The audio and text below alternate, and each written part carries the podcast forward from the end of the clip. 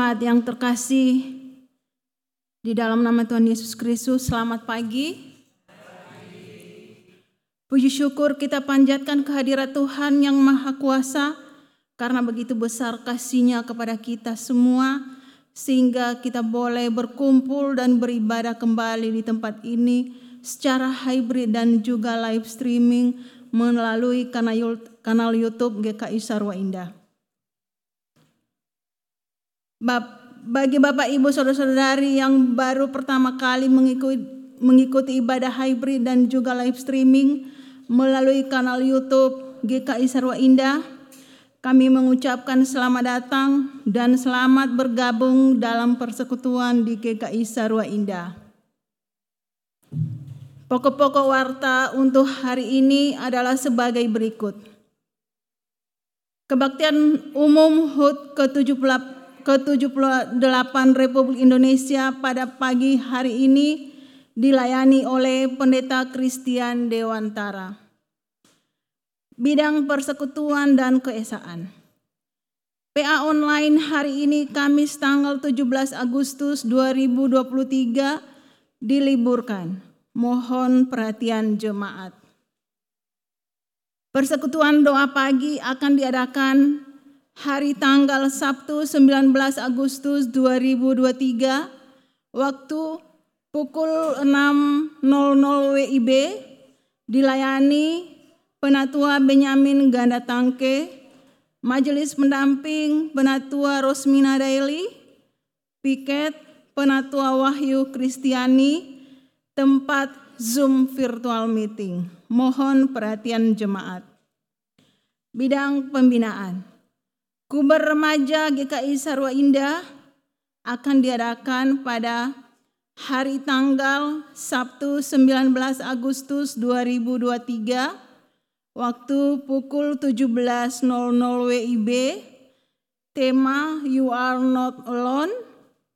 PF Penatua Jojor Sri Rejeki Tobing Majelis Pendamping Penatua Wahyu Kristiani. Tempat Sekretariat GKI Sarwa Indah lantai 2. Mohon perhatian dan partisipasi adik-adik remaja. Pemberitahuan diberitahukan kepada jemaat bahwa di Komplek Perumahan Bukit Nusa Indah saat ini sedang ada pekerjaan betonisasi jalan terhitung mulai tanggal 1 Agustus sampai bulan Oktober 2023. Mohon perhatian jemaat. Demikian pokok-pokok warta untuk hari ini.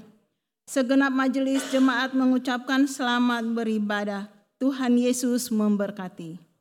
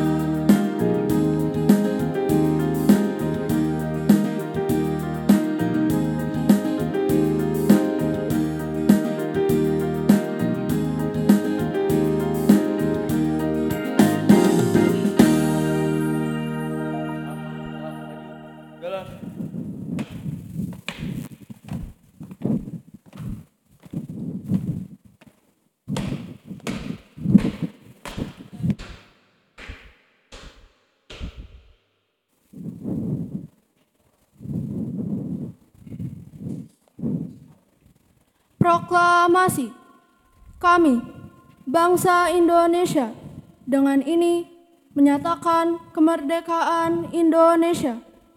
Hal-hal yang mengenai pemindahan kekuasaan dan lain-lain diselenggarakan dengan cara saksama dan dalam tempo yang sesingkat-singkatnya.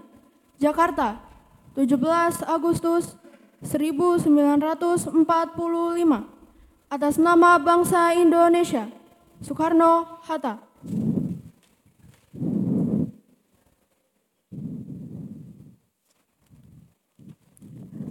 Pancasila 1. Ketuhanan yang Maha Esa 2. Kemanusiaan yang adil dan beradab 3. Persatuan Indonesia 4. Kerakyatan yang dipimpin oleh hikmat kebijaksanaan dalam permusyawaratan perwakilan 5. Keadilan sosial bagi seluruh rakyat Indonesia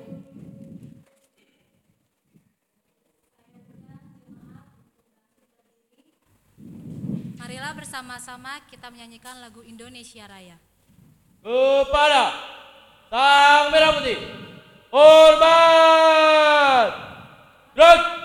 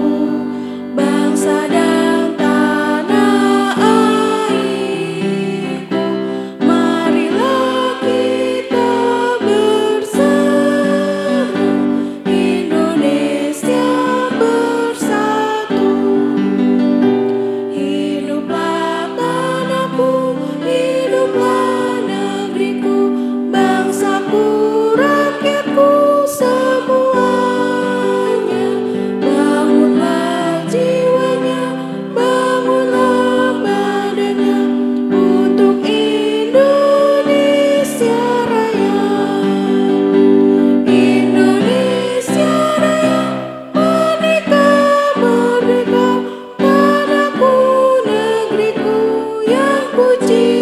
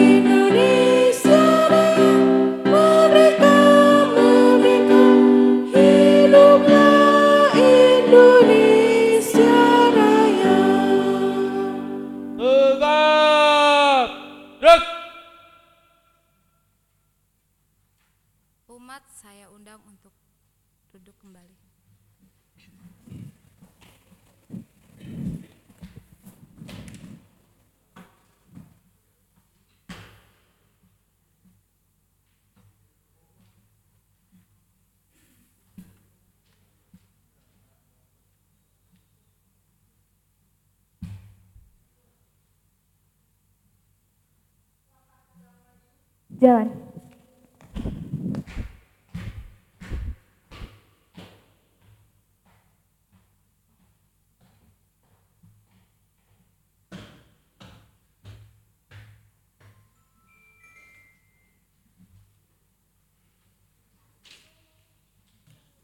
Puji syukur kita panjatkan karena hari ini negara kesatuan Republik Indonesia genap merdeka selama 78 tahun.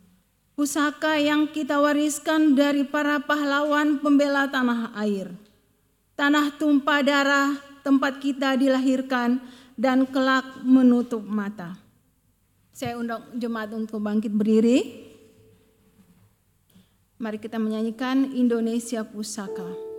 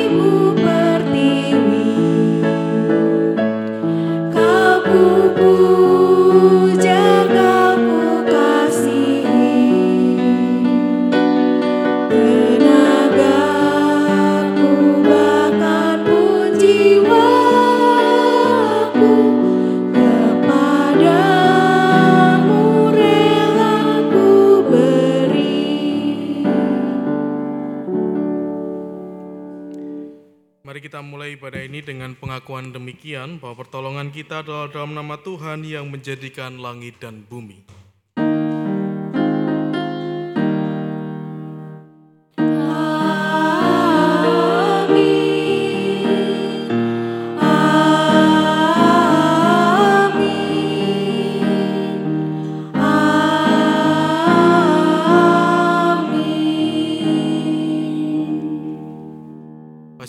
Dan damai sejahtera dari Tuhan Yesus Kristus dan kasih Allah dan persekutuan dengan Roh Kudus senantiasa menyertai saudara sekalian. Menyertai saudara juga. Silakan.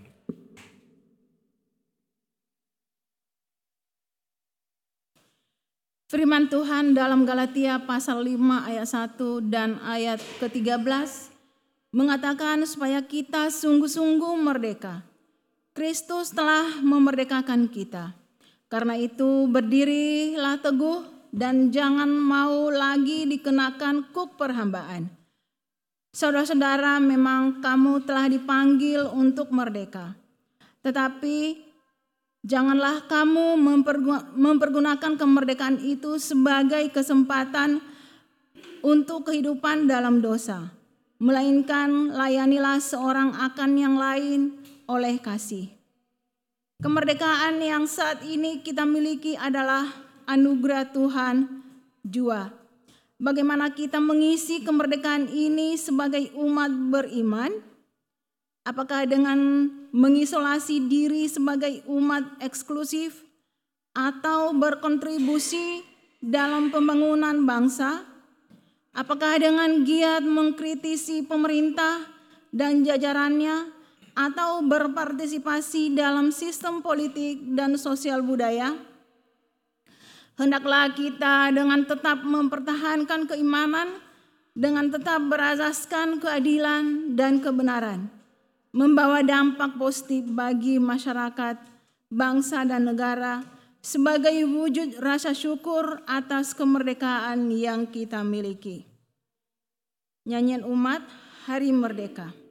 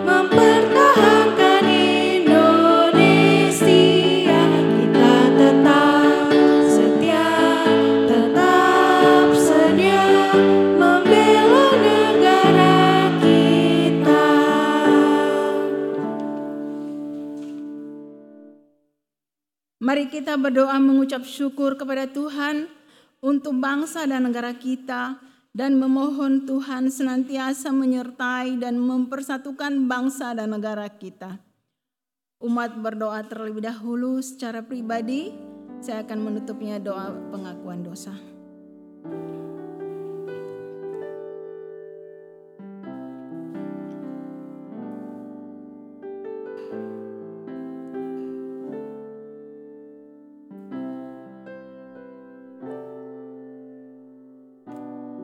Tuhan Yesus yang baik, kami bersyukur dan berterima kasih atas anugerah-Mu yang Tuhan berikan kepada bangsa dan negara kami. Sehingga saat ini kami boleh memperingati hari kemerdekaan yang ke-78.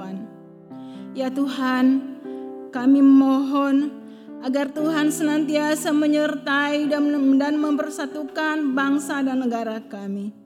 Tuhan Yesus, bila kami banyak kelalaian untuk mengisi kemerdekaan bangsa dan negara kami dan belum membawa dampak positif bagi masyarakat bangsa dan negara kami, kami mohon dengan kerendahan hati, ampuni kami Tuhan, ampuni kami Tuhan Yesus. Hanya di dalam nama Tuhan Yesus Kristus kami berdoa. Amin.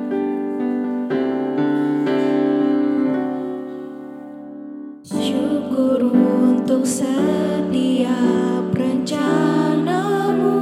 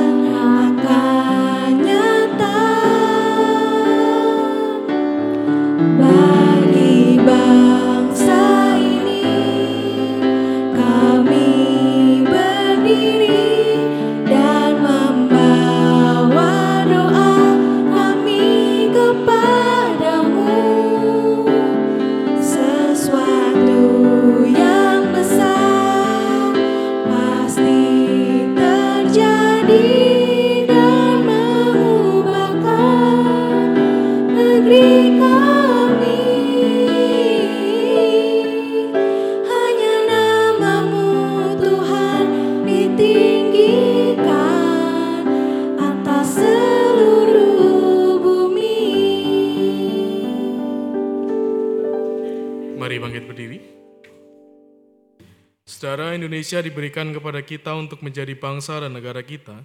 Bagaimanakah kita akan mengisi kemerdekaan Indonesia? Berita anugerah dan petunjuk hidup baru bagi kita diambil dalam keluaran pasal 19 ayat 5 sampai 6a yang berbunyi demikian. Jadi sekarang jika kamu sungguh-sungguh mendengarkan firmanku dan berpegang pada perjanjianku, maka kamu akan menjadi harta kesayanganku sendiri di antara segala bangsa, sebab akulah yang punya seluruh bumi. kamu akan menjadi bagi bagiku kerajaan imam dan bangsa yang kudus. Demikianlah berita anugerah dan petunjuk hidup baru dari Tuhan. Salam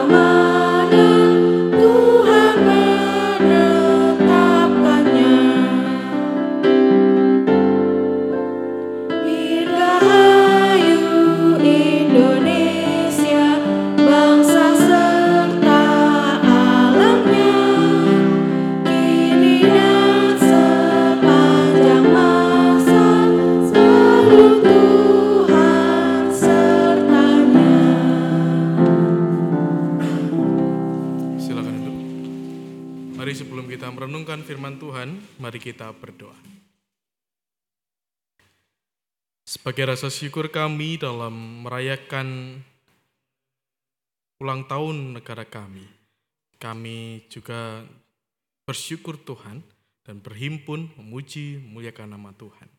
Dan terlebih lagi, sebagai rasa syukur kami, kami senantiasa mau dengan tekun merenungkan firman Tuhan.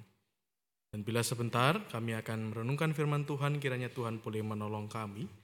Bimbinglah kami agar firman yang diberitakan juga boleh kami hayati dan kami syukuri sebagai satu hal yang harus kami nyatakan ketika kami boleh memperingati kemerdekaan negeri kami. Pakailah hambamu yang jauh dari sempurna ini. Tuhan kiranya tolong dan mampukan. Inilah doa kami Tuhan, demi Kristus kami berdoa. Amin.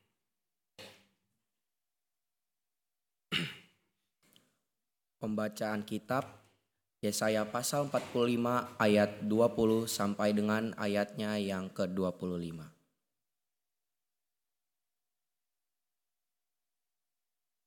Yesaya pasal 45 ayat 20 sampai dengan ayatnya yang ke-25.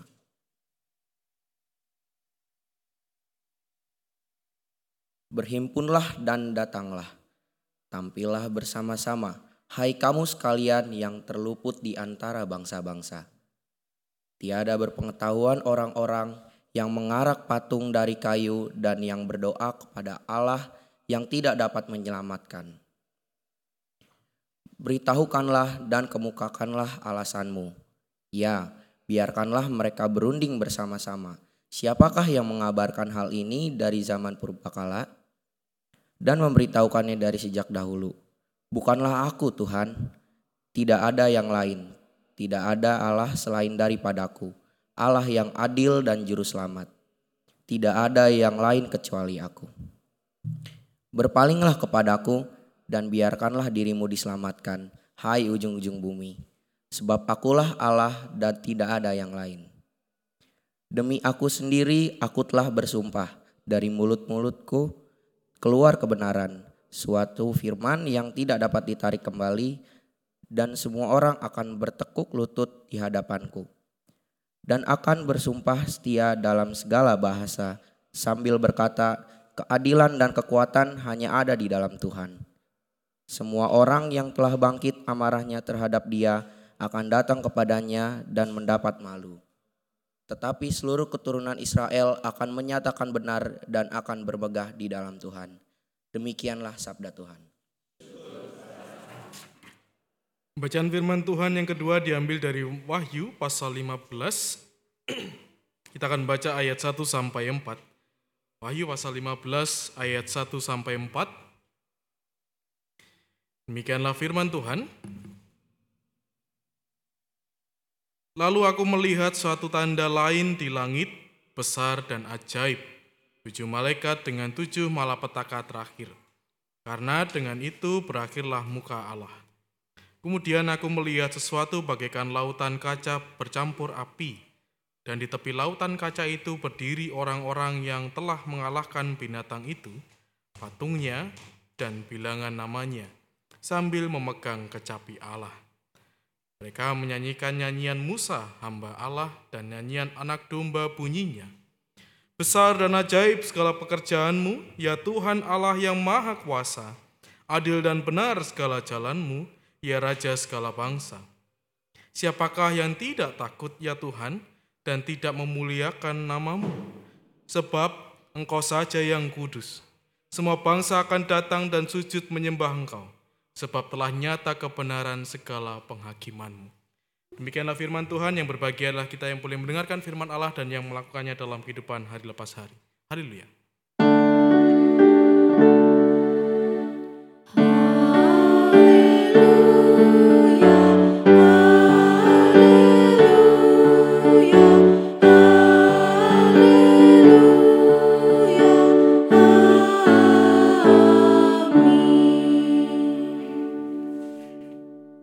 Kalau ditanya, apa wujud kemerdekaan yang paling Bapak Ibu rasakan?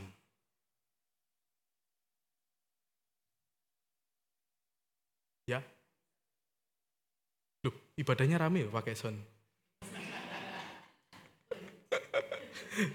Bisa beribadah gitu ya. Apalagi wujud kemerdekaan yang Bapak Ibu rasakan, Bapak Ibu saudara rasakan. Bebas bisa jalan aja ke Oh iya, betul. Asal di kantong ada gitu ya, Pak. Tidak ada jam malam begitu ya seperti di daerah-daerah konflik begitu ya. Saya bingung tuh kok ya cuman jam malam, jam pagi kok nggak ada sama jam siang kayak makan berarti. Ada lagi Bapak Ibu Saudara? Apa rasa kemerdekaan yang paling Ibu Bapak Saudara rasakan? Bisa upacara? Ya, bisa upacara. Karena ada banyak negara yang konflik untuk mengibarkan bendera aja enggak bisa gitu ya. Kalau kita ingat kisah Bung Tomo di Jawa Timur, di Surabaya, dia harus merobek bendera Belanda hanya untuk mengibarkan merah putih gitu ya. Itu yang bagi saya sampai hari ini tuh kok bisa idenya gitu loh. Enggak jahit bendera tapi disobek bendera itu, itu luar biasa memang. Jadi apalagi? Oh ada lomba-lomba di RT. Nah jadi lah ini ikut pondak lomba di RT. Ya semoga ikut semua ya, setidaknya ya nongol lah, tampilkanlah wajah kita gitu ya di RT. Nah pernah nggak kalau eh, pertanyaan selanjutnya, apakah kemerdekaan yang kita rasakan itu cukup? Yang kita rasakan selama ini, yang sudah kita rasakan itu cukup enggak bagi kita? Halo? Belum dua syafaat loh ini. Pernah pernah enggak menghitung-hitung cukup enggak ya? Ini merasa ya udahlah nggak apa-apa lah yang penting udah merdeka begitu. Karena bersyukur. Karena sering kali ada di ya seperti Facebook dan Instagram atau eh, medsos lainnya kita eh, sering kali masih mendengar kosakata kita memang merdeka dari Belanda tapi sedang dijajah oleh bangsa sendiri begitu toh? Atau dikatakan bahwa kemerdekaan kita ini kemerdekaan semu karena kita sendiri tidak bisa bersatu dan sebagainya dan sebagainya. Bersyukur kalau Bapak Ibu Saudara mengatakan eh, rasa merdeka itu sekarang sudah cukup. Pernah enggak kepikiran pindah keluarga negaraan?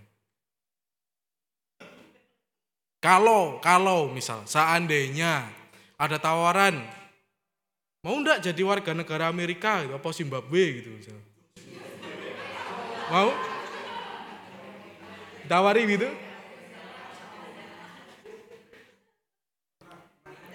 Pernah terpikirkan ya? Apa yang membuat tidak jadi apa? Rasa tetekan ya. Pernah enggak mem- membayangkan bangun pagi-pagi terus kita jadi orang Spanyol gitu? Bukan separuh nyolong loh ya.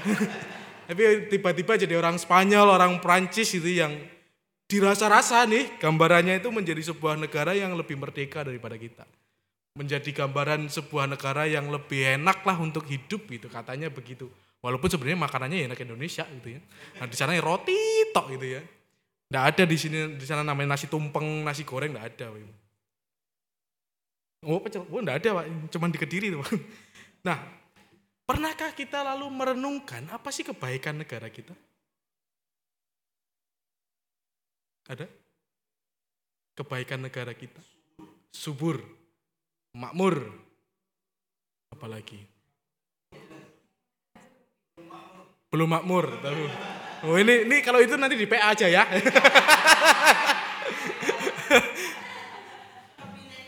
Bineka itu, macam-macam campur aduk begitu ya. Ini di sini aja ini berapa suku ini? Banyak. Di lingkungan yang kecil ini saja sudah ada banyak orang dari berbagai latar belakang gitu ya. Nah, Bapak Ibu Saudara, tapi sering kali kalau kita berbicara tentang negara, bukankah kita, saya sebenarnya tidak suka dengan istilah ini, sebagai minoritas, itu masih bergumul tentang apa? Keadilan dan rasa aman. Betul? Eh, Bapak Ibu mungkin di antara Bapak Ibu sedang mengikuti sebuah kasus di, kok saya lupa tiba di Kalimantan atau di Sumatera begitu. Ada seorang pemuda yang mengalungkan atribut merah putih ke anjing. Lalu dia dianggap menghina negara. Menghina simbol-simbol negara. Padahal kalau kita mau jujur di sirkus itu kan ya banyak ya. Hewan-hewan yang pakai atribut aksesoris warna merah putih gitu. Tidak hanya anjing begitu. Tapi itu menjadi sebuah hal yang ketika ditelusur, ditelusur, ditelusur ternyata bukan perkara ketika anjingnya dikasih kain merah putih. Tapi karena persoalan apa? Ras. Salah satunya karena ras. Jadi eh, saya tidak mau nyebut sukunya apa, tapi eh, pemuda itu dianggap sebagai gambaran dari double minoritas dan itu ditekan sedemikian rupa. Dan ketika eh, kepolisian setempat akan dituntut pra peradilan, tiba-tiba dibatalkanlah status tersangka. Udah di penjara udah di penjara. Dibatalkanlah status tersangkanya. Ini masih satu. Ada banyak saudara-saudara kita yang bahkan untuk beribadah saja takut. Ada banyak saudara-saudara kita yang bahkan bawa Alkitab dengan leluasa di luar di jalan aja bisa bermasalah. Waktu kemarin kami eh, perjalanan ke konven di Salatiga, salah satu rekan perjalanan saya itu sharing begitu bahwa be- beberapa pendeta GKI kan diminta juga untuk melayani di Malaysia dan Singapura. Dan ketika mereka harus masuk ke sana, mereka tidak boleh membawa Alkitab fisik. Lah piye coba, pendeta disuruh pelayanan di gereja, berangkat dari Indonesia tidak boleh bawa Alkitab. Kan susah. Jadi ada banyak hal di dalam kehidupan kita yang sebenarnya hal-hal yang sebenarnya kalau kita memikirkan tuh tidak penting lah dipikir, dihadapi dan dihadapi. Tapi ternyata sering kali itu masih muncul dalam kehidupan kita. Nah oleh karena itu kadang kita mungkin Bapak Ibu Saudara menggumulkan atau gamang ketika membaca dua bacaan kita hari ini gitu, tentang janji Allah soal keadilan dan kebenaran. Kalau dalam Yesaya digambarkan bahwa orang-orang yang nantinya menentang Allah akan malu begitu. Sedangkan di dalam Wahyu digambarkan bahwa Yohanes melihat ada sebuah penggambaran ketika malaikat-malaikat itu menang dan menyanyikan nyanyian Musa hamba Allah. Nah kita melihat ada dalam dua bacaan kita ini ada satu kesamaan yang mirip. Yaitu apa? Ketika mereka menuliskan ini justru kehidupan mereka bukan juga dalam kondisi aman. Kalau Bapak Ibu Saudara membaca Yesaya, Yesaya itu kan dibagi tiga, Protro, Deutro, dan Trito Yesaya. Nah, di dalam bacaan kita tadi, Yesaya 45 itu bagian dari Deutro. Nah, Deutro ini secara khusus menggambarkan ketika bangsa Israel itu sedang di dalam pembuangan. Jadi kalau Proto itu sebelum, Deutro itu pas pembuangan, Trito itu setelah pembuangan. Jadi membacanya begitu. Dan Bapak Ibu bisa searching lah, itu banyak sekali informasi. Jadi bayangkan, ada gambaran itu justru ketika mereka sedang dijajah. Mereka sedang menjadi budak, mereka sedang kehilangan kemerdekaannya, tetapi ada janji yang muncul bahwa orang-orang yang menyembah patung dari kayu itu dan marah kepada Allah akan dipermalukan. Situasinya di saya seperti. Lalu di dalam kitab Wahyu yang bagi banyak orang kitab Wahyu itu agak membingungkan membacanya begitu ya karena ada penggambaran-penggambaran hewan berkepala begini dengan bentuk seperti ini gitu ya. Nah, dalam Wahyu yang kita baca ini tadi, kita kan tahu persis Yohanes menulisnya di mana? Wah, ini lupa ini kalau enggak ini harus kembali sekolah minggu ini. Nah, wah ini yang jawab guru sekolah minggu soalnya itu. Di dalam Pulau Patmos itu apakah dia lagi staycation? Apakah dia sedang liburan? Dibuang. Bapak Ibu. Dia diasingkan karena melakukan pemberitaan Injil. Dia sedang menghadapi situasi yang benar-benar tidak enak di Pulau Patmos. Ya mungkin dulu memang tidak ada kayak acara sekarang survival-survival gitu ya. Jadi tidak ada alat-alat tools-toolsnya belum ada. Jadi ketika Yohanes dan Yesaya menuliskan bacaan kita hari ini justru sebenarnya situasinya mereka sedang tidak baik-baik saja. Mereka sedang dalam posisi yang ditekan, kesulitan hidupnya, di ujung tanduk, potensi kematian di depan mata. Tetapi ada satu kesamaan yaitu tentang janji Allah dan kebenaran Allah. Nah, Membaca dan menghayati janji dan kebenaran dan keadilan Allah ini bisa menimbulkan dua output yang berbahaya. Kenapa? Seringkali kalau ini digambarkan sering kali sebutnya adalah teologi eh, janji gitu ya. Tentang teologi pemenuhan. gitu. Bahwa nanti tidak apa-apa sekarang ini menderita. Nanti toh kita bisa hidup enak. Tidak apa-apa sekarang ini hidup kita ini tidak nyaman. Banyak ditekan, tidak apa-apa nanti toh kita diselamatkan. Nah, sering kali di dalam di apa, iman Kristen digambarkan janji-janji seperti itu, teologi pemenuhan. Nah persoalannya dari teologi pemenuhan ini kalau kita membacanya dan menghayati dengan tidak tepat, maka bisa berbahaya. Kenapa? Kita merasa justru akan menjadi orang yang pasif. Kenapa? Ah ya sudah, menderita. Ya nanti kan diselamatkan. Ada orang di sekitar kita menderita, ya sudah enggak apa-apa saya menderita, nanti toh saya juga selamatkan si tunda. Kadang sikap-sikap pasif seperti ini yang justru berbahaya dari teologi jaminan ini. Kalau kita menghayatinya dengan tidak tepat. Atau yang kedua, malah justru abai dengan lingkungan sekitar karena merasa yang penting aku selamat. Yang lain tidak selamat ya bodoh amat. Yang penting aku diselamatkan nanti dan dipulihkan kehidupanku. Perkara orang di luar sana akan menghadapi penghukuman dan sebagainya, ya sudah silahkan. Duh. Nah ini yang jadi repot. Atau yang ketiga, ketika orang-orang merasa bahwa sudah mendapatkan janji Tuhan, dia menjadi orang yang sangat eksklusif. Hanya mau berrelasi dengan orang Kristen. Sesama yang diselamatkan. Bahkan Kristennya pun pilih-pilih. Kamu GKI apa GKJ? Kamu HKBP apa-apa gitu. Lah enggak sama gerejanya bisa musuhan juga. Loh, itu terjadi kan hari ini. Banyak gereja-gereja yang justru saling sikut-sikutan rebutan jemaat. Mengatakan di gerejaku lebih tokcer janjinya Tuhan.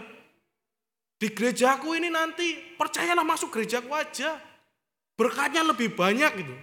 Nah, katanya GKI itu gereja kurang iman katanya gitu. Atau gereja karpe inyong gitu. Jadi ada banyak persoalan-persoalan yang justru ketika kita menggumulkan janji keadilan dan kebenaran ini, kita jatuh pada sikap yang salah. Kita justru jatuh pada situasi yang membuat kita terlena. Seandainya Yesaya dan Yohanes ini tidak dengan jeli menangkap pertanyaan pernyataan Tuhan, maka kita pun juga akan menjadi menghayati sesuatu yang salah. Tetapi apa Bapak Ibu yang bisa kita bangun dan kita bisa hayati dalam kedua bacaan kita hari ini? Yang pertama justru kalau ketika kita melihat dan menangkap janji Tuhan, hal yang pertama yang bisa dilakukan adalah bagaimana kita bisa hidup apresiasi. Menyatakan apresiasi justru. Bagaimana caranya? Di dalam Yesaya digambarkan di sana Tuhan tetap menerima tuh orang-orang yang marah kepadanya. Nah kalau tidak menerima sebelum menghadap Tuhan udah habis mereka. Benar kan? Ada satu sikap yang menerai yang bisa kita gumulkan justru yaitu tentang bagaimana kita apresiatif kepada orang-orang yang bahkan mungkin berbeda. Kalau dalam konteks tema kita hari ini pola hidup yang memerdekakan. Marilah kita belajar seperti Yesaya dan juga Yohanes, walaupun mereka dalam kondisi yang seperti itu, mereka belajar dari Tuhan bahwa di dalam segala sesuatu yang tidak baik, dalam sesuatu kondisi hidupnya yang sedang hancur, justru mereka mampu melihat janji Tuhan bukan sebagai sesuatu hal yang eksklusif, tapi mampu belajar untuk tetap menerima orang yang salah.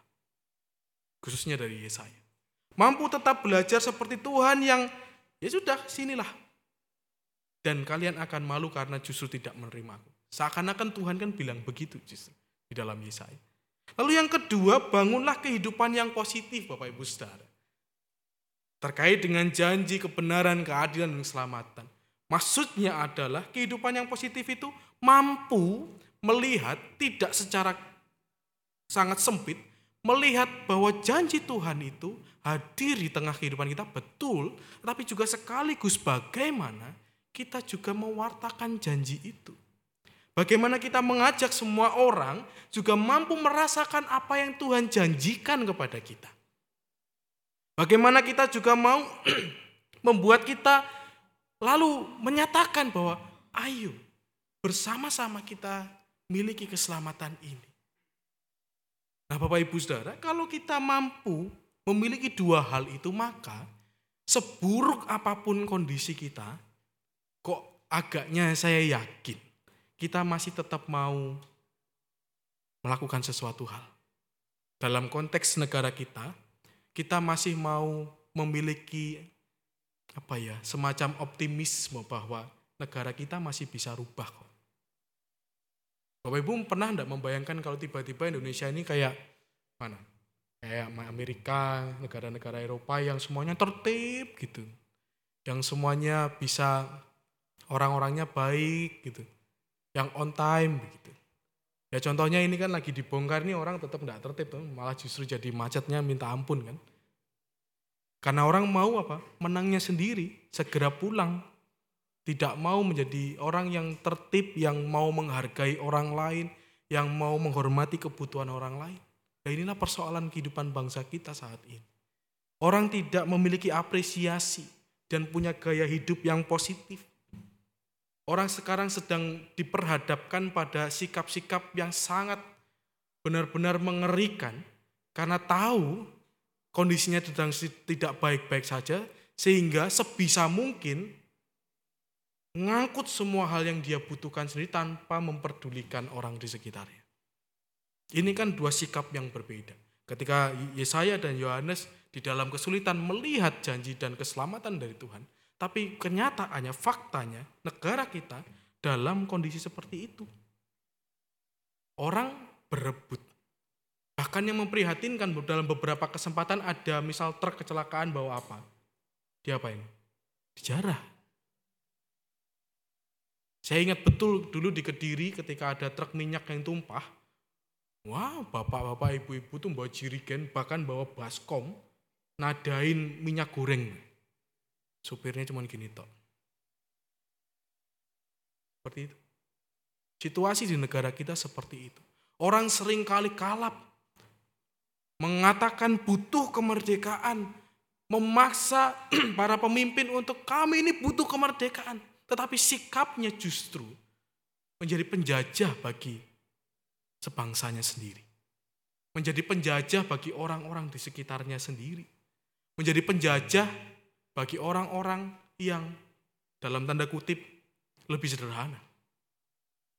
Contohnya di Papua, orang mengatakan apa? Mereka itu tidur beralaskan emas dan tambang. Tapi apa? Yang mengeksploitasi bukan mereka sendiri, justru yang makan orang lain. Kita selalu berdebat tentang sebuah negara yang mengambil keuntungan dari mereka, tapi apakah pernah kita berpikir kita sendiri sebagai satu bangsa menghargai saudara-saudara kita dari Papua? Rasanya enggak. Seringkali dianggap apa? Pengganggu. Saya terus terang saja ngomong. Karena di Jogja, Bahkan beberapa lingkungan menolak menerima kontrakan atau kos kalau itu orang Papua. Orang-orang kita sendiri sedang tidak baik-baik saja sebenarnya. Kita sendiri mungkin pernah menjadi bagian dari itu. Meminta kemerdekaan, mendambakan hidup yang merdeka bisa melakukan segala sesuatu. Tetapi dengan cara apa? Menindas orang lain menindas orang-orang yang kita anggap lemah. Dengan dengan dasar apa? Tadi kita sudah diselamatkan. Janjinya sudah pasti. Bodoh amat sekarang orang lain. Nah kalau kita mau jadi Kristen seperti itu mau bagaimana kehidupan bangsa kita? Bagaimana kita hadir di tengah masyarakat ketika kita masih saja terus mencari keuntungan-keuntungan pribadi dan menutup mata kepada kesulitan orang lain. Oleh karena itu ketika kita menggumulkan tema pola hidup yang memerdekakan. Mari meminta pertama-tama pertolongan Roh Kudus. Agar ketika kita datang ke dalam masyarakat, kita hadir menjadi bagian dalam masyarakat, baik dalam pekerjaan, di dalam segala suatu situasi di rumah, di perumahan atau di kampung kita, kita benar-benar menyadari bahwa kita ini bagian dari bangsa ini. Kita menyadari bahwa betul saya menderita, you juga menderita. Kita sama-sama menderita. Kita sama-sama sedang berjuang. Oleh karena itu jangan sikut-sikutan. Jangan pernah lalu mengorbankan tetangga kita hanya demi kenyamanan kita.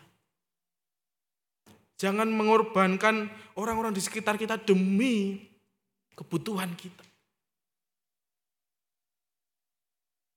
Lalu yang kedua adalah ketika kita mungkin tidak suka dengan situasi negara kita. Ya salah satu contoh yang paling menonjol sekarang apa? Polusi udara. Ini saya ini nggak sembuh-sembuh nih tenggorokan saya. Buat nelen susahnya minta ampun. Debunya kita melihat di tanah tinggal, dekat Vigules, bahkan sekarang di perumahan itu yang dibongkar di depan debunya sampai pastori. Kalau kesel ya kesel gitu. Kalau marah ya marah. Tapi apakah kita juga mau mengkritik dengan baik kepada pemerintahan? Apa kita mau dengan sadar, dengan kepedulian, mau mengambil bagian dalam hal ini? Polisi di Jakarta kan itu menjadi sebuah isu yang terus-menerus terjadi, tidak hanya akhir-akhir ini. Bahkan dikatakan beberapa hari yang lalu di Tangsel ini paling parah polusinya. Lu, bagaimana dengan kita? Apakah kita hanya Ya sudah, yang penting keluar pakai mobil kan nggak kena debu. Atau kita juga mau memikirkan cara-cara yang bisa kita lakukan misalnya. Mulai menanam pohon. Mulai mengurangi keluar-keluar yang tidak perlu. Mulai mengurangi hal-hal yang justru membuat lingkungan sekitar kita panas. Mengurangi penggunaan AC misalnya. Atau mengurangi hal-hal lain yang sebenarnya tidak perlu penggunaan plastik dan sebagainya. Karena itu pun menjadi tanggung jawab kita saat ini. Kalau kita menginginkan kemerdekaan, harusnya kita memiliki pola hidup itu terlebih dahulu. Jangan sampai kita hanya sekedar menuntut kemerdekaan dari pemerintah, tapi justru sikap kita berbanding terbalik dan hanya mengkritik, mengkritik, mengkritik pemerintah tanpa solusi. Ya contohnya kayak pembangunan ini. Saya mendengar beberapa orang ini pembangunannya masif atau sporadis gitu itu kan beti, beti kan, beda-beda tipis. Nah, hal seperti itu, bagaimana kita mengkritik tapi juga memberikan solusi. Jangan konsultasi Bapak Ibu, konsing usul, konsing atasi. Gitu. Tapi ketika kita hadir tengah masyarakat, ketika ada hal yang tidak beres, ya memang kita, kalau kita memiliki kesadaran ya ambillah peran itu. Kerjakanlah dengan baik sebagai bagian dari negara ini. Jangan lagi merasa karena kita minoritas, lalu kita tidak mau melakukan apa pun. Jangan lagi karena kita merasa, aduh aku ini wong Kristen nanti dimusuhin. Enggak. Kita tidak perlu merasa takut dengan hal itu. Yang penting kita tidak usah bawa embel-embel itu ketika masuk kepada masyarakat. Tidak usah bawa embel-embel, aku ini loh orang Kristen, ya perlu juga. Tidak perlu pakai baju salibnya gede banget gitu, atau kalungnya lebih gede dari ini, tidak usah. Tapi nyatakanlah bahwa kasih Kristus itu bisa dirasakan oleh semua orang. Jadi dengan demikian bahwa pola hidup kemerdekaan itu adalah sebuah kesadaran diri. Sebuah hal yang harusnya tumbuh dari diri kita sendiri. Bukan hanya sekedar menuntut sekitar. Tuhan berkati.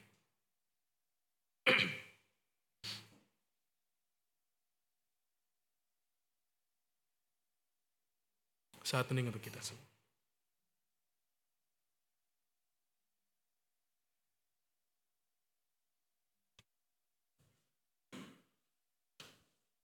Kami undang umat untuk bangkit berdiri.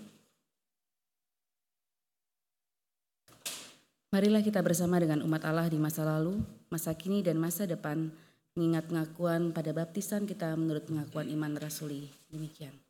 Aku percaya kepada Allah, Bapa yang Maha Kuasa, Halik langit dan bumi, dan kepada Yesus Kristus, anaknya yang tunggal Tuhan kita, yang dikandung daripada roh kudus, lahir dari anak darah Maria, yang menderita sengsara di bawah pemerintahan Pontius Pilatus, disalibkan, mati dan dikuburkan, turun ke dalam kerajaan maut. Pada hari yang ketiga, bangkit pula dari antara orang mati, naik ke sorga, duduk di sebelah kanan Allah, Bapa yang Maha Kuasa. Dan dari sana ia akan datang untuk menghakimi orang yang hidup dan yang mati. Aku percaya kepada Roh Kudus, gereja yang kudus dan am, persekutuan orang kudus, pengampunan dosa, kebangkitan orang mati, dan hidup yang kekal. Amin. Silakan duduk kembali. Mari kita menaikkan syafaat kita. Mari kita berdoa. Kami mengucap syukur Tuhan untuk pertambahan usia negara kami. Kami boleh mengingat peristiwa kemerdekaan 78 yang lalu yang bahkan dalam mengupayakannya bangsa kami sudah menghabiskan waktu yang lebih banyak daripada itu. Ada banyak orang-orang yang pada saat itu mau berkorban bagi bangsa, bahkan mungkin meninggalkan keluarganya hanya untuk mengupayakan kemerdekaan ini.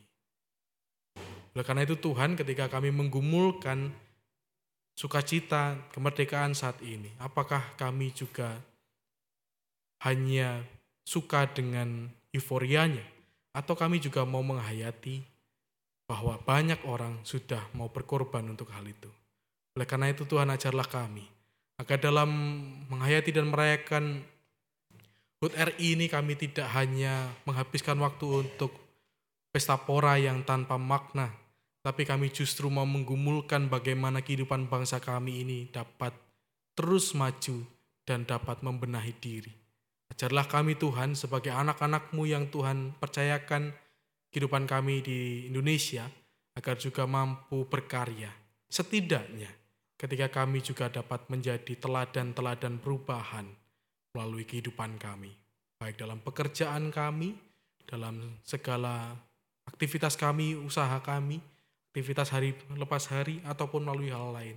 Biarkanlah kami menjadi orang-orang yang memberikan kesejukan di tengah banyak orang sudah lelah dengan kehidupan bangsa ini. Biarlah kami hadir memberikan sebuah kesegaran dan menunjukkan pribadi-pribadi yang apresiatif, yang memiliki hidup positif, sehingga lambat laun orang-orang di sekitar kami juga boleh merasakan hal itu. Dan bersama-sama kami boleh membangun negeri kami yang tercinta ini. Kami menyadari ada banyak hal yang memang kurang dari negara kami. Ada banyak hal yang memang kami lihat dan rasakan masih jauh dari kata sepenuhnya merdeka. Tapi biarlah dalam proses ini kami boleh menyadari bahwa Tuhan terus campur tangan dan memberkati. Sehingga proses ini tidak berhenti dan kami tidak menjadi orang-orang yang apatis kepada bangsa kami. Mampukan kami Tuhan sebagai gerejamu, agar kami juga mampu berperan dalam lingkungan kami, dalam lingkup-lingkup yang dapat kami jangkau, sehingga kami tidak terpisah dari dunia, tapi justru menjadi gereja yang hadir di tengah dunia, memberikan kasih Kristus dan menyatakan kasih Kristus. Tuhan dalam doa syafaat kami ini kami memohon Tuhan kiranya boleh memberkati setiap pribadi yang ada dalam pemerintahan. Kiranya Tuhan boleh menolong mereka sehingga dalam mengerjakan segala tanggung jawab tidak hanya melihat itu sebagai sebuah privilege atau sebuah pencapaian saja, tetapi itu boleh menjadi tanggung jawab yang dikerjakan dengan baik dan bertanggung jawab sehingga masyarakat dapat merasakan kinerja mereka. Kami juga berdoa untuk segala sesuatu yang sedang dirumuskan dan digumulkan oleh pemerintah secara khusus dalam menanggulangi polusi di Jakarta dan Tangerang Selatan. Tuhan kiranya boleh menuntun setiap pribadi yang ikut serta dalam hal itu, sehingga dapat mengeluarkan kebijakan yang tepat sasaran, sehingga rakyat Indonesia secara khusus di Jakarta dan Tangerang Selatan dapat hidup dengan lebih aman ketika kualitas udara di lingkungan kami saat ini sedang tidak baik-baik saja. Tuhan kiranya boleh memberikan kesehatan kepada kami, sehingga dalam segala hal yang kami kerjakan, kami dapat mengerjakannya dalam tubuh yang prima sebagai wujud pemeliharaan Tuhan dan penjagaan Tuhan bagi kehidupan kami. Tuhan kami juga berdoa bagi saudara kami yang juga berulang tahun dalam minggu-minggu ini, ketika mereka juga bersuka cita dalam HUT RI ke-78, mereka pun juga boleh bersuka cita atas pertambahan usia mereka. Kami berdoa untuk Bapak Adi Krisnamurti, Ibu Rosida Sipahutar, Bapak Yodi Russell Sagala, dan Bapak Wanton Ritonga. Kami berdoa untuk saudara-saudara kami ini Tuhan kiranya dalam pertambahan usia mereka, mereka boleh terus merasakan kasih-Mu dan pertolongan-Mu. Ketika mereka dapat menghayati janji-janji Allah, biarlah Tuhan boleh mengajarkan bahwa janji itu pun juga harus diwartakan dan dinyatakan kepada sesama. Peliharalah saudara-saudara kami ini Tuhan dalam tangan pengasihan-Mu dan dalam kemurahan-Mu, sehingga saudara-saudara kami ini dapat hidup dengan semakin baik ketika boleh merayakan pertambahan usia mereka. Kami juga berdoa untuk saudara-saudara kami yang saat ini sedang dalam pergumulan sakit dan pemulihan. Kami berdoa untuk Ibu Evi, ibunda dari Ibu Catherine Pakpahan yang saat ini sedang dirawat di ICU RSEK Hospital BSD. Tuhan kiranya memberkati dan melawat. Tuhan boleh berikan pertolongan yang terbaik melalui tim medis dan juga alat medis yang digunakan. Tuhan berkati juga keluarga yang menjaga, Tuhan berikan kesehatan dan kesabaran, dan Tuhan pun juga boleh mencukupkan segala kebutuhan dari keluarga ini. Kami juga berdoa untuk saudara kami yang masih dalam masa pemulihan. Kami berdoa untuk Ibu Mai Palon, Ibu Hana Panjaitan, Ibu Yulia Kristianti, Bapak Christian Duta Galung, Ibu Nika Elizabeth Buki, Bapak Wahyu Hidayat, Ibu Yana Triani, Ibu Maria Magdalena, Ibu Tambunan, Bapak RC Syakian, Bapak Rudi Pasaribu, Ibu Linda Budi, Ibu Sri Herawati Utasoid, Ibu Sarah Jaya Sumadi, Ibu Irna Kurniarini Syadari, Bapak Rafles Simamora, Bapak Hotman Utapea, dan Ibu Ruslina Limbong Sagala. Kami menyerahkan proses pemulihan saudara kami ini Tuhan dalam tangan pengasihanmu. Biarlah tangan Tuhan sendiri yang menopang saudara kami ini. Berkati juga segala upaya yang mereka lakukan untuk pemulihan kesehatannya. Tuhan sendiri yang tolong dan mampukan. Inilah suruh syukur dan permohonan kami Tuhan yang kami alaskan dalam Tuhan Yesus Kristus, Tuhan yang telah mengajarkan kami berdoa demikian.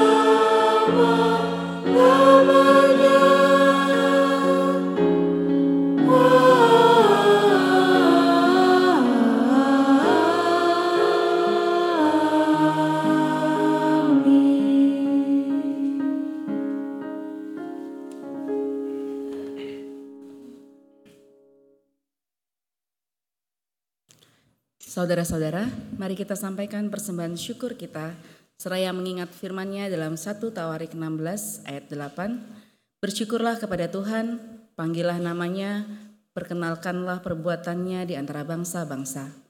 Kita akan nyanyikan NKB 218 bait 1 sampai bait yang kedua, Indonesia tanah airku.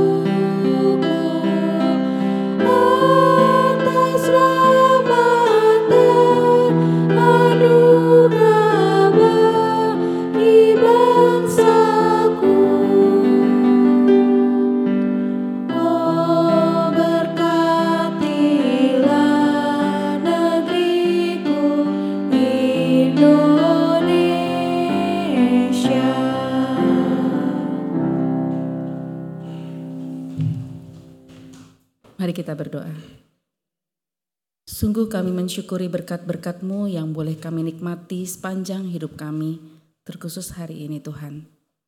Persembahan yang telah kami berikan ini adalah sebagian kecil dari ungkapan syukur kami. Bapa kami rindu memberikan hidup kami untuk melayani-Mu sebagai persembahan kami yang hidup. Berkatilah tangan-tangan yang akan mengelola persembahan ini, agar kami boleh mengelolanya dengan penuh syukur. Kami berdoa di dalam nama Tuhan Yesus Kristus. Amin.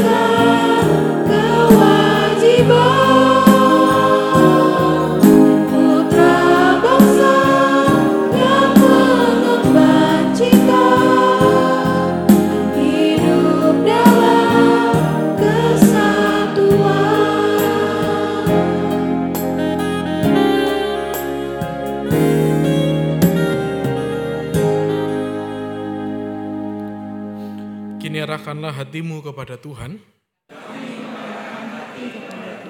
Jadilah saksi Kristus. Terpujilah Tuhan. Terimalah berkat dari Tuhan. Tuhan berkati engkau dan melindungi engkau. Tuhan menyinari engkau dengan wajahnya dan beri engkau kasih karunia. Tuhan menghadapkan wajahnya kepadamu dan beri engkau damai sejahtera. Amin.